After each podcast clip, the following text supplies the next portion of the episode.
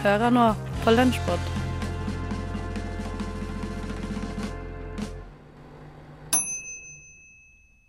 Og det plinget markerer at du hører på podkasten som gir deg noe av det som ble sendt på Radio Nova i uke fem.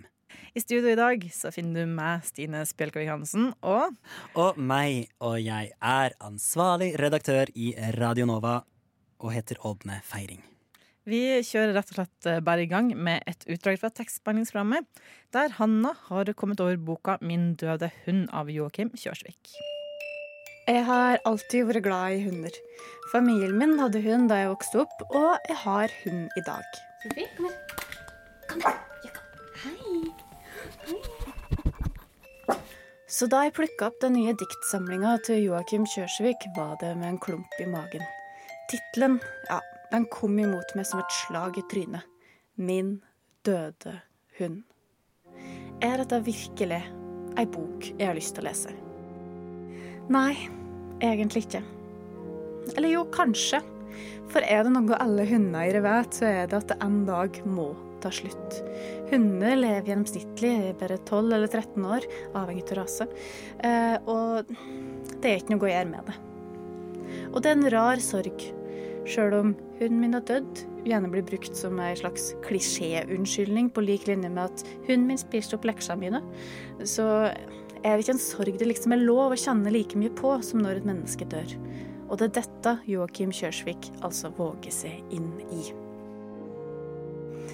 Allerede når jeg åpner boka, ser jeg det. Nana, nana, nana, nana. Navnet dekker ja, jeg husker ikke hva det heter, men innsiden av permen, hvis du skjønner.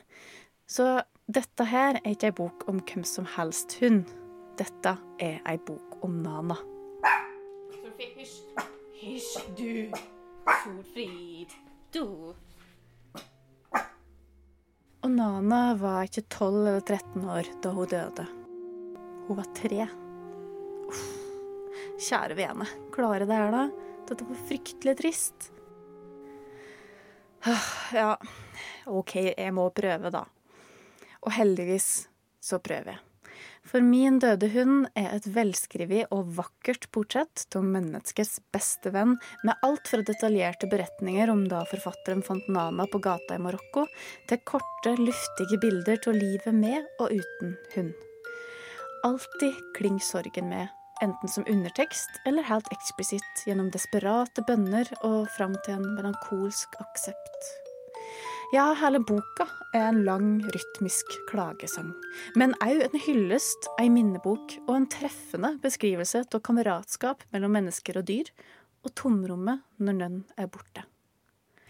En eller annen gang må Kjørsvik ha spurt seg om det ikke fantes andre store mennesker som også elska hundene sine, kanskje for å rettferdiggjøre sitt eget prosjekt, for etter kort kommer det ei grundig gjennomgang av hunden i et slags kulturhistorisk perspektiv, der både Virginia Woolf, Hitler og ja, flere grekere blir nevnt.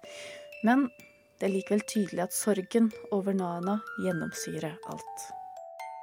Likevel er det så lekent, både språket og vekslinga i form og innhold, at det er vanskelig å bli ordentlig trist til å lese boka. Derfor er Min døde hund paradoksalt nok et must for hundeelskere og anbefales varmt. Ikke sant, Sofie?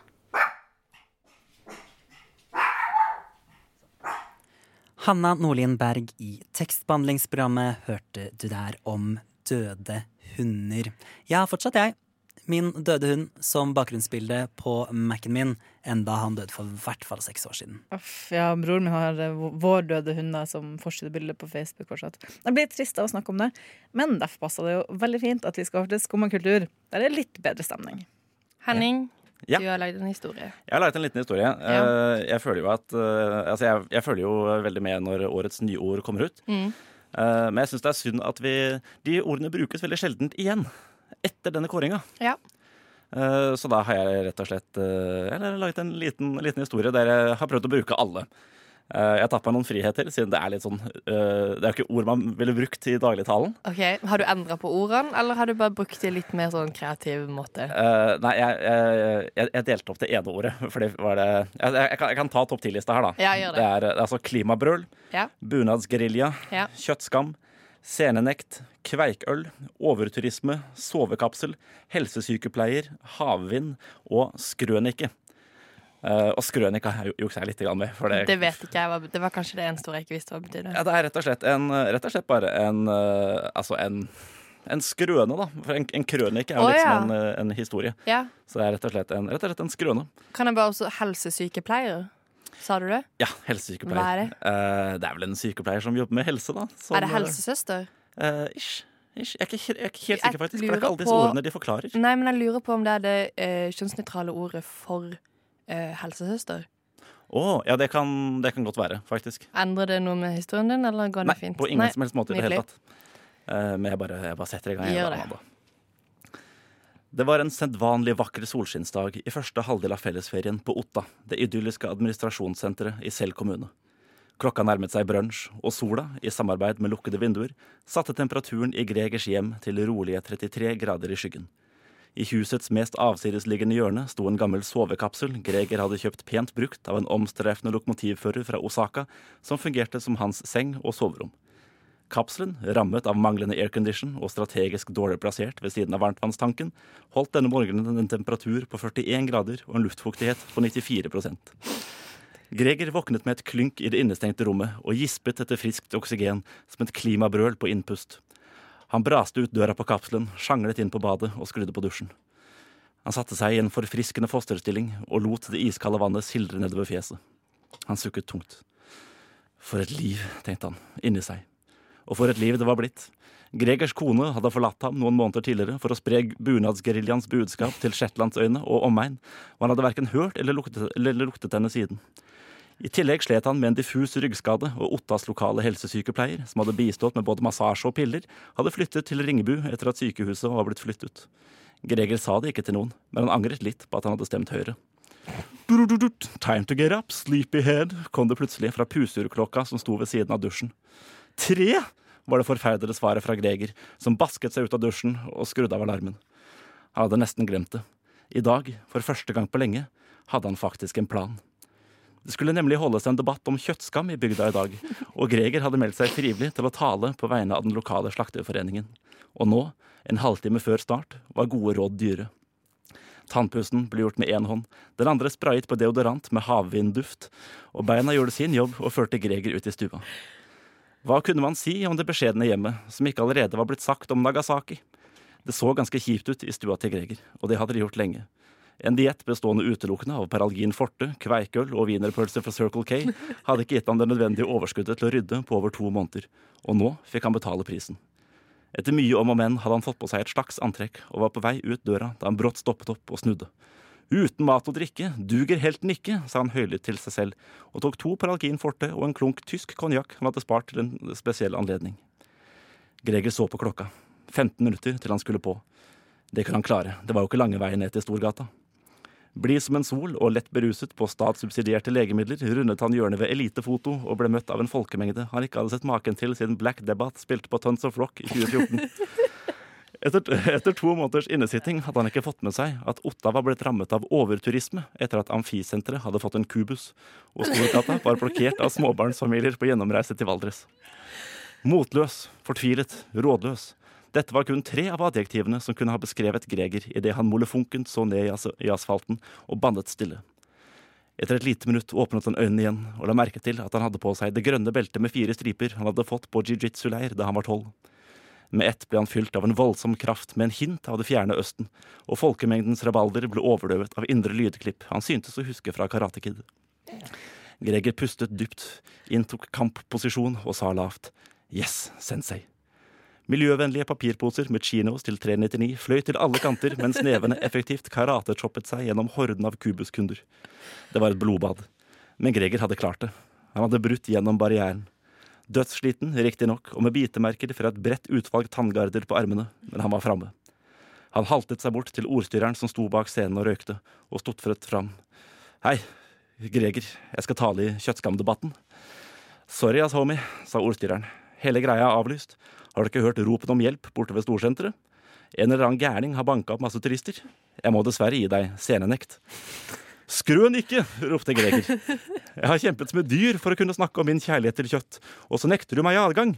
Jeg skal Greger fikk aldri fullført setningen. Han hadde glemt helsesykepleierens råd om å ikke blande Paralgin forte med sentraleuropeisk alkohol og massevold, og, hjert og hjertet hans taklet ikke stresset. Han segnet om i det nyklipte gresset og holdt seg til brystet. Han kunne høre sirener i det fjerne, og i øyekroken skimtet han blålyset fra en ambulanse som kjørte forbi ham på vei mot massakren han hadde etterlatt seg ved Elitefoto. Vel, vel, tenkte Greger. Jeg var jo egentlig ikke så godt forberedt uansett. og snipp, snapp, snute, så er den skrøniken ute. For jeg måtte, jeg måtte jukse litt på skrøniken. Ja, men det, det gikk veldig fint, Henning. Ja. Tusen, tusen takk for det. Takk for at jeg fikk være her. ja, vi må ha litt musikk. Nye ord kan også bli til nye historier. Det kan de. Her hørte du Henning Høie Kolas og Amanda Lavlar. Nå skal vi høre fra gjengen i Nova Noir, filmprogrammet vårt her på Radio Nova. Ja, for Julie Oskar Andersen har laget en anbefaling av den svenske prisvinnende filmen 'Turist' fra 2014. Nå når den er aktuell igjen, fordi det kommer en amerikansk nyinnspilling. Where do you come from? From Sweden. Sweden. Yes. Very good. I'll make you the beauty picture together. Come on. One, two, smile. Good one. Og mannen din er endelig på en familieferie i Sveits. Vi er her fordi Thomas jobber så jævlig mye. Så nå får han fem dager til å bare fokusere på sin familie. I solen glimter høye, hvite fjelltopper dekket av hvit snø. Et ras utløses plutselig, men fortsatt ganske langt unna. Eller Mannen din forsikrer deg om at det ikke er farlig. Dette kommer til å gå så bra, så. Bare at Blikket bedrar ham. Snøen som raste nedover fjellsiden, er truende og vokser og vokser og kommer nærmere hotellet. Og til slutt er det ingen tvil om at dere er i livsfare. Du griper dine to barn og kaster deg over dem før alt blir hvitt. Snøraset rakk heldigvis ikke frem. Og alle er trygge. Men klarer ikke å se mannen din noe sted. De andre gjestene ler litt nervøst og setter seg tilbake på plassene sine. Og mannen din kommer joggende tilbake fra et eller annet sted. It was quite uh, shocking. I, everyone is fine. I mean, they, they know what they're right. doing. And He got so scared that right he ran away from the table. Dette er konflikten i regissør Ruben Østlunds mesterverk 'Turist'. Den skal altså ikke forveksles med 'The Tourist' med Johnny Depp og Angelina Jolie. Svenske Johannes Ba Kunke og norske Lisa Loven Kongsli gjør en strålende jobb som ekteparet og de to hovedrollene. Det er også en flott gjesteopptreden av selveste Kristoffer Hivju du kan se frem til. Filmen sier noe om samliv og ekteskap, og hvordan vi blir konfrontert med vårt aller innerste selv i pressende situasjoner. Det er helt tragikomisk å være vitne til dette ekteskapets utfordringer, og hvordan de to hovedrollene sliter med å finne seg til rette med hverandre, og realiteten de ikke helt vil ta inn over seg. Du gråter jo ikke på riktig. Nei, det kan jeg ikke gjøre. Ebba, Ebba, Ebba, Ebba. Du kommer til å sitte og vri deg i sofaen når du vitner til ubehagelige stillheter, malplasserte forsøk på humor, parkrangler foran venner og to som ikke vet å kommunisere, uten at filmen noen gang blir melodramatisk.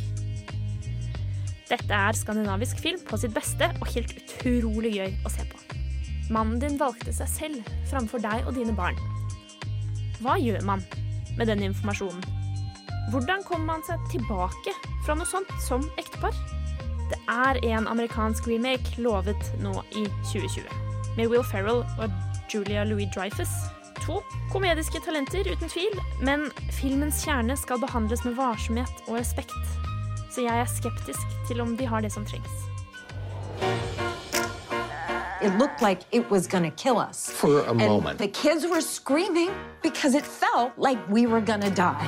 Pete? Wow. And I look over at Pete, and he had grabbed his phone. Pete left us. Humoren ligger jo i nyansene og sårbarheten vi er vitne til. Og jeg er ikke sikker på at regissør Nat Faxon og Jim Rash klarer å levere det de skal. Denne ukens anbefaling er altså Turist. Ta deg en titt, men kanskje ikke med en partner hvis du opplever litt samlivstrøbbel akkurat nå. Da kan det kanskje trigge en enda større krangel, eller verre, et brudd. Så vær varsom. Jeg undrer, jeg reagerat om du hadde gjort sånn mot mig. Julie Oskar Andersen var det som ikke bare anbefalte å dra på ferie til Sveits, men også anbefalte filmen Turist. Ja. Og Ådne, vi har vel kanskje alle vært i en situasjon da vi møter på en person som vi kanskje kjente en gang, men ikke kjenner så godt lenger, og som om en helse. Ja, Eh, det skjer hele tiden. Ikke sant? Men da er det ikke så, alltid så rett å vite hvordan man skal gjøre det. Men Regine i Frokost eh, hun tok en ny vri. La meg ta dere tilbake til uh, Byen er- min by, byen, Byen, ja, men det er akkurat det vi skal. Vi skal til Oslo? Faktisk, Vi skal ikke til Oslo, vi skal til Sandefjord, som er uh, Byen din, en av mine byer. Sa, sa, sa, sa, Sandefjord. Og, og det er eh, det er, det er jula, det er romjula. Vi må tilbake dit. For da, drar man ut og møter gamle Andre kjente. Ja, ja, noe sånt. Ja. Ja. En av de. Eh, og det er jo veldig, veldig hyggelig, men man treffer jo på eh, ganske masse folk som man ikke har sett på en stund. Det er i hvert fall tilfellet for meg. Uh, så jeg er ute og har en god, god kveld. Inn kommer en gammel flamme. Gammel flamme. En gammel flamme. Altså, det ble ikke, vi var ikke kjærester, men vi hadde det liksom ganske hyggelig det. en stund. Og så var avslutningen ikke så god. Men jeg er litt uh, i veldig god fart og humør, så jeg er sånn herregud, nå er det liksom fem år siden. Nå er vi jo venner, er vi ikke det? Men jeg vet ikke helt hvordan jeg skal uh, tilnærme meg dette mennesket som jeg, som jeg kjente en gang. Ikke sant? Så jeg eh, står, uh, står i barkø, og det gjør han også. Så når jeg går tilbake og skal gå tilbake til plassen min, så velger jeg en helsemetode som er ganske spesiell. Det jeg gjør da, sikker og glad Å, nå er jeg er å klype han i magen. Ja, ikke sant. Jeg klyper han i magen. Litt nederst der du alle har litt fett, liksom. Ja. Der tok jeg en liten pølse, og så bare klikka det, litt. det er ikke lov å si. Du kan ikke si at du tok en liten pølse Jeg tok på en liten pølse. Du kan ikke si at du tok tak i en liten pølse på Jeg undersiden av magen. jeg tok litt av hu, huden der, da. Huden på, Skjønner dere? på, fortsatt i Jeg fikk en kly, en god klype der, og så kleip jeg litt til. Ganske hardt. Og så bare var jeg sånn. For jeg tenkte sånn, det er litt sånn koselig. Men hvor lenge siden du har sett det? Nei, det er, eh, det er nærmere fem år siden, tror jeg. Fire-fem år siden. Ja, men da Nei, det er så mage, mageklyp er ikke det første. Jeg løp etterpå, for jeg ble altså, så sjokkert av min egen opplevelse. Men noen ganger slutter hjernen å funke, og så bare gjør man sånne rare ting. Helt Altså, det, ute. Det hadde på en måte Altså, du kunne liksom bare gått for liksom ballesparket med en gang. Bare, Ja, men det bare er- Med litt drink på han, eller? Ja. Like rart, Bare altså. sånn 'halla, drittunge', kunne du sagt han. Ja, for det, Eller, jeg lurer på hvordan han tolka deg», det. kunne sagt. For du snakka ikke med henne etterpå? Nei, Han, nei altså, det ble ikke noe prat der, nei. Hvis han er en uh, vanlig oppegående fyr, så tenker jeg sikkert 'hva faen var det'? Uh, ja ja, hun var sikkert dritnervøs. ja, det er Og full. det virker. Eh, er han en fyr som har altfor høy selvtillit, tenker han 'hun vil ha meg'. Ja, ja. Mm, For et Hun er klyp ikke i over magen. meg. Et klyp i magen Det er sier liksom, mer det er tusen litt ord. sånn eh, Oi! Klyp i magen, ja. Er det litt sånn Ja. BDSM-aktig? At det er sånn at det kan gi litt sånn vibber til det? Det er sånn Ja, det Hei. kan vel det. Kan hende du får en telefon snart. Liksom. Spørs litt åssen blikk du hadde da det skjedde. Ja, Um, det lurer jeg på selv. for er det sånn 'Å, jeg er full blikk', eller var det sånn 'Halla, jeg klyper deg litt i magen', jeg'. Nei, jeg tror Altså, det er jo akkurat som hjernen kortslutter, som du sier, Klaus. Men så skrur den seg jo på akkurat i det du gjør. Ja. Så det syns, Ja. det syns jeg er litt irriterende. At ikke hjernen bare følger planen ut, ja. og så våkner du på en måte en time etterpå. Eller dagen etterpå. Det, det, hadde, det hadde vært veldig gøy hvis du angra sånn midt i. At du kom på at nå, nå gjør jeg noe dumt, nå gjør jeg noe dumt, nå gjør jeg noe dumt mens armen går nedover, nedover, nedover. Og så må du bare, og så må du bare fullføre, men så tør du ikke helt, så det blir bare at du tar den litt sånn rart på bunnen av magen. Ikke, ikke klyp delen, men at du holder. Du bare heller i fettet litt. Og så istedenfor å klype, så er det bare Så hold, også, det, som er, det har vært i, veldig alfa move, da, som Ja. man sier på eh, altså, lingo, er å bare holde han i magefettet og si 'halla, takk for sist', og så gå. Ja, det er sånn det jeg hilser, liksom. Det, jeg, jeg hilser sånn, ja. I Ja. min vennekrets så tar vi et klyp på magen eller et annet sted. Spørs litt hvor gode venner vi er. Ja. Eh, Jo også, lenger ned, jo bedre venner. jo, leng, ja, jo lenger mot midten, jo bedre venner. Ok, ja, Ja. greit. Og så sier jeg eh, 'halla', Og så kaller de meg alltid Trump, fordi da har jeg liksom grabbed them by the pussy. Du vet. Ja, å ja. Mm. så hyggelig, da. Ja. For en hilsen. Ja. Ja. Nei, men eh, det, det var ordentlig, ordentlig flaut. For det Men- der med liksom at hjernen skrur seg av, det, det skjer jo ofte i en klem også. At man er sånn Å, hva skal vi klemme? Altså den klassiske. Mm. Absolutt. Det skjer med meg? Ja. et par ganger i uka. Det du kan trøste deg med, er at uh, han gjorde helt sikkert noe eh, dumt en kveld han også, som han lå og tenkte på. Å, takk, Leis. Ja. Det var frokosthørte der med Regine Døsen Christoffersen, Sigrid Solheim Haugen og Klaus Holm Fjellero. Og da vet vi hvilken strategi vi skal bruke neste gang vi møter eksen på byen. Eller ikke. Ja, vi får se. Uff, Det er ikke så lett å tenke i, i de situasjonene. Tekstbehandlingsprogrammet, Stine. Vi har noe derfra vi også denne uka. Denne gangen så det et utdrag fra sendinga der Ane Barmen var gjest. De snakka om hennes debutbok, ungdomsboka 'Drømmer betyr ingenting'. Du hører fortsatt på tekstbehandlingsprogrammet, og vi har fremdeles forfatter Ane Barmen på besøk. Forfatter og skuespiller og podkastinnehaver og Ja. Du har mange titler. Ja, jeg driver med mye forskjellig. Ja. Og vi må snakke litt mer om den mottagelsen av denne boka. Fordi du Hvordan er det egentlig å ha fått så gode kritikker på en debutbok? Eh, veldig, veldig kjekt og veldig rart og uventa. Um, Tør du å skrive mer? det kan du si. Eh, Veit du, jeg, jeg har tenkt at jeg burde sikkert ha prestasjonsangst, eh, men siden jeg fikk Brage, så har jeg på en måte bare følt at det var et veldig stort klapp på skuldra, og at eh, OK, jeg er kanskje inne på noe. Kanskje, det, kanskje jeg skal skrive litt mer. så nå har jeg egentlig bare lyst til å sette meg ned og Ja, jeg har begynt å skrive på nye ting. Eh, kanskje prestasjonsangsten kommer, eh, men jeg må prøve å skubbe det unna og bare nyte at eh, det har gått greit. Ja, eh, jeg er jo veldig fan av denne Brageprisen. Det- er, er- er det fordi du heter Brage? Det er fordi jeg heter Brage. Jeg Er den den oppkalt etter deg? I, jeg liker å tro det. Ja. Uh, men, så jeg, men jeg vet samtidig veldig lite om den. Jeg burde Mm. sikkert lese meg opp om Brageprisen, men uh, nå har vi så mange forfattere inne, så da kan jeg spørre dere. Uh, men hvordan er det å vinne Brageprisen? Eh, ja, det, hvordan er det? Hva, hva skjer? Blir du oppringt? Får du Eller er det Eh, mail og post, eh, liksom? jeg ble oppringt eh, noen uker før av redaktøren min, som kunne fortelle at jeg var nominert. Eh, må tilstå at jeg visste ikke 100 heller hva helt hva Brage var, eh, så jeg sporer redaktøren min Dette er en litt sånn fancy pris, eller? Hun bare ja. Det er det. Så måtte jeg gå hjem og google, og skjønte at OK, eh, dette er ganske stort. Em, og så eh, får ikke du vite noen ting før det er utdeling i november. Og da sitter du i en sånn sal? Da sitter du i salen i lag med alle de nominerte og har på deg eh, ditt fineste paljettskjørt. Og ja, jeg var sjuk eh, og hadde vært veldig sjuk i flere uker og hadde øyekatarr og var forkjøla, hadde ikke stemme, hadde dott i øra. Altså alt var grusomt. Så jeg har tatt på meg all sminka jeg hadde, alle paljettene jeg hadde, for å prøve å se ut som et menneske. Og satt og klamra meg til redaktøren min på ene sida og mannen min på den andre. Og så eh, var de så holdt på å si vondskapsfulle at de ikke las opp hvem som vant eh, prisen for barn og ungdom før aller, aller, aller sist. Så jeg var jo fullstendig nervevrak. Um, og så sj- var Trine Skei Grande der og um, eh, las opp begrunnelsen. Eh, og da sier ikke hvem det er før helt til slutt.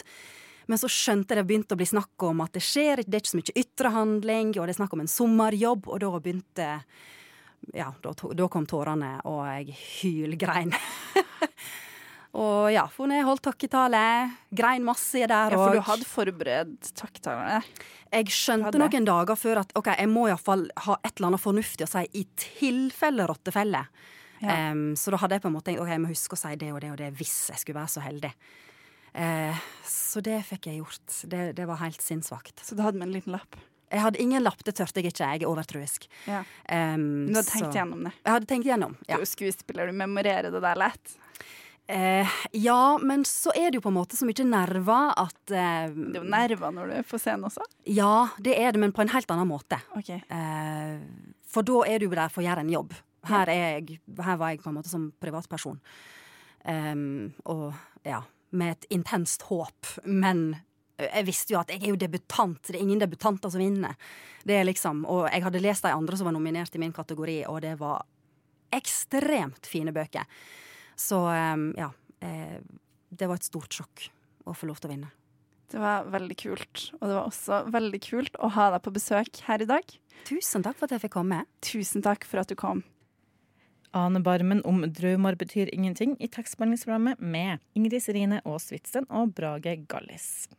Og der var Lunsjpod over for denne gang, og du kan bare drømme om neste episode.